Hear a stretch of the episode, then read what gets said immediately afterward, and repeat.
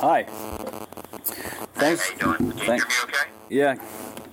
Perfect. Uh, so you're out in uh, you're out in Ames right now. Yeah. Good. So thanks for taking the time. Sure. It should be pretty exciting out there this week. Yeah. It's morning again in America. I want to say one thing I American make people. this For me, What the networks give a us, few hours ago, networks take it away. this campaign came to an end. President of the United States. I, Donald John Trump. will not make age an issue of this Senator, you're no. Jack Kennedy. You're likable enough. Okay. Stop working out for you. Steve Bannons tid som Don Trumps eh, sjefstrateg er, eh, er nå over. Eh, Han forlater Det hvite hus, og i den anledning så er det jo på høy tid å hente fram intervjuet som jeg gjorde med Steve Bannon tilbake i august 2011. Da jeg satt på et eh, hotellrom i Ames, eh, Iowa, og snakka med han på telefonen.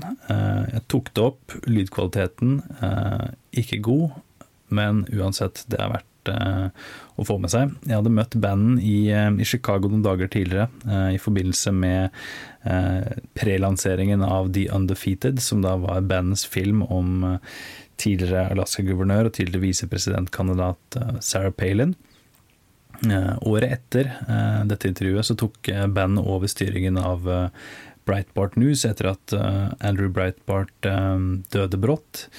Og bandet ble etter hvert en innflytelsesrik stemme ytterst på, på høyresiden. Trump var en av de som etter hvert begynte å, legge merke til, til Breitbart og, og banden, eh, som kom i kontakt med noen av Trumps viktigste støttespillere fram mot og i planleggingen av et mulig presidentkandidatur. Eh, Og Bannon ble også en av disse rådgiverne som hadde Trumps øre eh, idet Trump da kunngjorde sitt kandidatur i Trump Tower i juni 2015. Året etter, eh, da Trump-kampanjen lå nede for telling, så gikk Bannon inn som leder av eh, Trumps presidentkampanje, eh, bidro til å snu skuta og gikk jo da inn som sjefstrateg, kontroversiell sådan, eh, i Det hvite hus etter den overraskende valgseieren til, eh, til Trump. Eh, Men nå er det altså slutt, etter mye om og men. Vi kommer til å snakke om det i neste ordinære utgave av Ampodkast, men hovedfokuset, i alle fall, i dette gamle, sprakende telefonintervjuet, eh, det er Sarah Palin. eh, Og den republikanske nominasjonskampen i 2012 er da den røde tråden. Spurte bandet litt om bakgrunnen hans, hva han beundret i, i Michael Moores filmer og andre prosjekter som han jobba med. og hører det igjen, så, så høres det ut som om, om bandet prøvde å få Palin til å passe sitt eget bilde av, av drømmekandidaten eh, i det kommende presidentvalget. Eh, og jeg kjente i alle fall ikke helt igjen Palin slik han beskrev henne.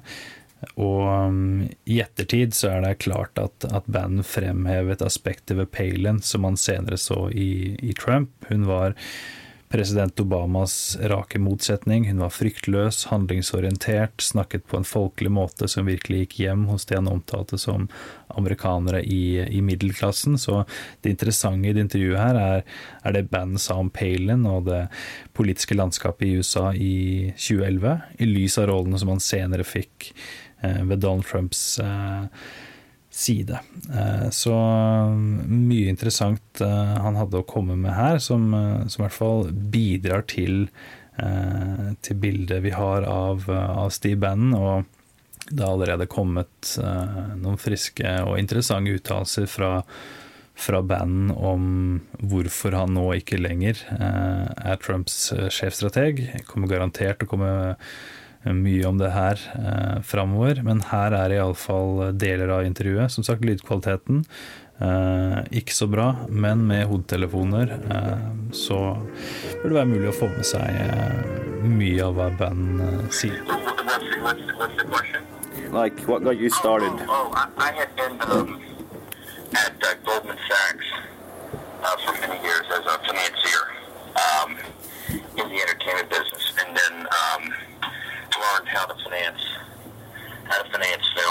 Yep. And um, uh, off of that, about uh, eight years ago, when I turned 50, or seven years ago, I guess it is, uh, I decided I wanted to. I had financed and produced a number of films that I wanted to uh, write and direct, and so I wrote and directed my first film seven years ago.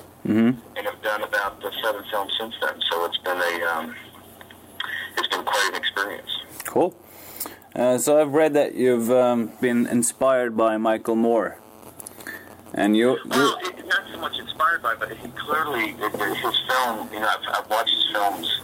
You know, from the beginning. I'm not. You know, I'm not. Uh, obviously, politically um, akin to Michael Moore, but I've seen the impact his films have had uh, on audiences. He's able to communicate, you know, ideas using a certain style, and I think Fahrenheit 9/11 had a huge impact on the 2004 uh, election. I don't think it's given enough credit no. for how close that election was because of that film.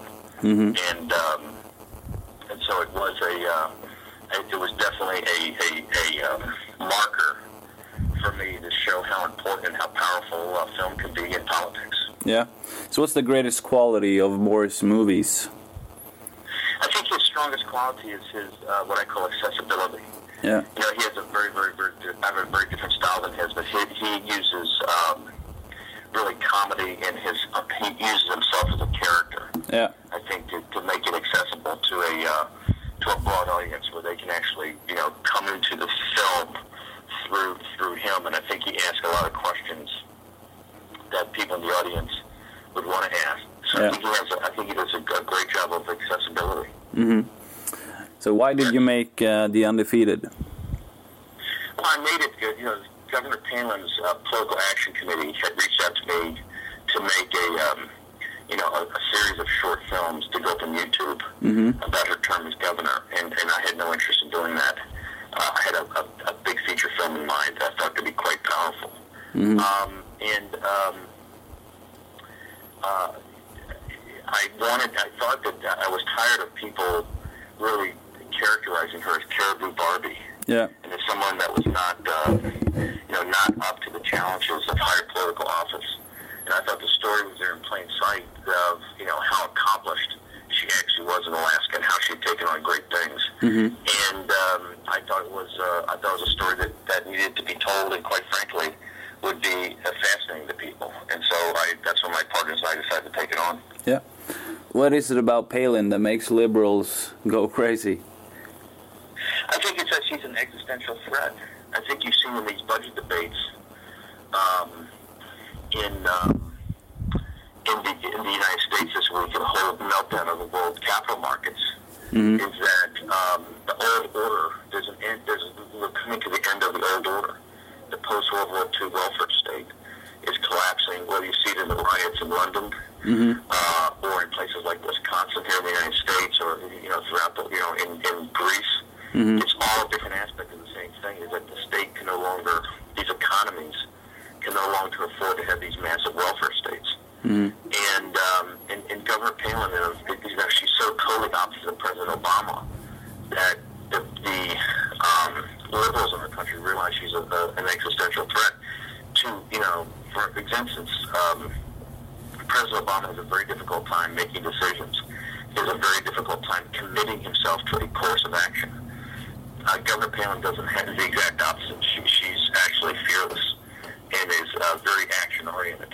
And I think that um, liberals realize that if she was to run for president and then win the presidency, she would absolutely start to dismantle uh, the welfare state. And I think that puts the fear of God in them. Yeah. Uh, and it's not looking like she's running, though. Uh, is it fair to say that you hoped she would? Well, I don't think it doesn't look like she's running or not. I don't think really. I think that's a uh, Still up for grabs? I mean, I think she works. I, I, the the the only constant we have in this campaign so far is its complete unpredictability. Yeah. Everything the media has said has been dead wrong. The media has said the field is set several months ago, and yet, um, you know, Governor Perry's about to come in. Yeah. Uh, the one thing I will tell you is that the Republican nominee to run against President Obama is not in the field yet. Okay. Um, Ames, no matter who wins, Ames is not really relevant. Yeah. But the, the nominee has, has yet to come in, whether it's Governor Perry, Governor Palin, Governor Christie, Governor Bush, uh, Senator Rubio. Um, I don't believe that the, the, I think the mainstream media has totally missed the, um, and I give some examples is Tim Pawlenty. He spent two years in Iowa, Yeah. spent all his money, and it's barely a blip on, on the on the on the radar scope. So I think it, it's the the whole look, we just had this uh, budget debacle and this financial meltdown. You know, the new poll numbers came out today that shows that President Obama's dropped now down to 45% approval ratings. Yeah. 80% of the country thinks that America's on the wrong path, and 50% of the country think that the worst is yet to come. So the presidential election in 2012 is totally up in the air, and, and, and uh, people could come into it, uh, you know, very, very late. I think Governor Palin is quite frankly sitting on the sidelines and doing something very smart. She's still right at the top in all the polling, or in the middle of the pack of the polling. She hasn't spent a penny. Yeah. You know, Tim Pawlenty has spent. Tim Pawlenty has raised and spent, I think, six or seven million dollars to, to do zeros. And uh, Newt Gingrich, Rick Santorum, all these guys. So I think it's. I think the mainstream media completely misses um, the point of what's happening in the country and how uh, volatile race is. And so I, I think it's a huge. I think it's just. You just read too many, you know, mainstream media newspapers to make that to make that um, Yeah. assumption. I think if she does run, it will be a. I think it's a whole development of social media. Let's go back to this week. Uh, the only politician that stood up and beat down President Obama about his disastrous economic policies was Governor Palin.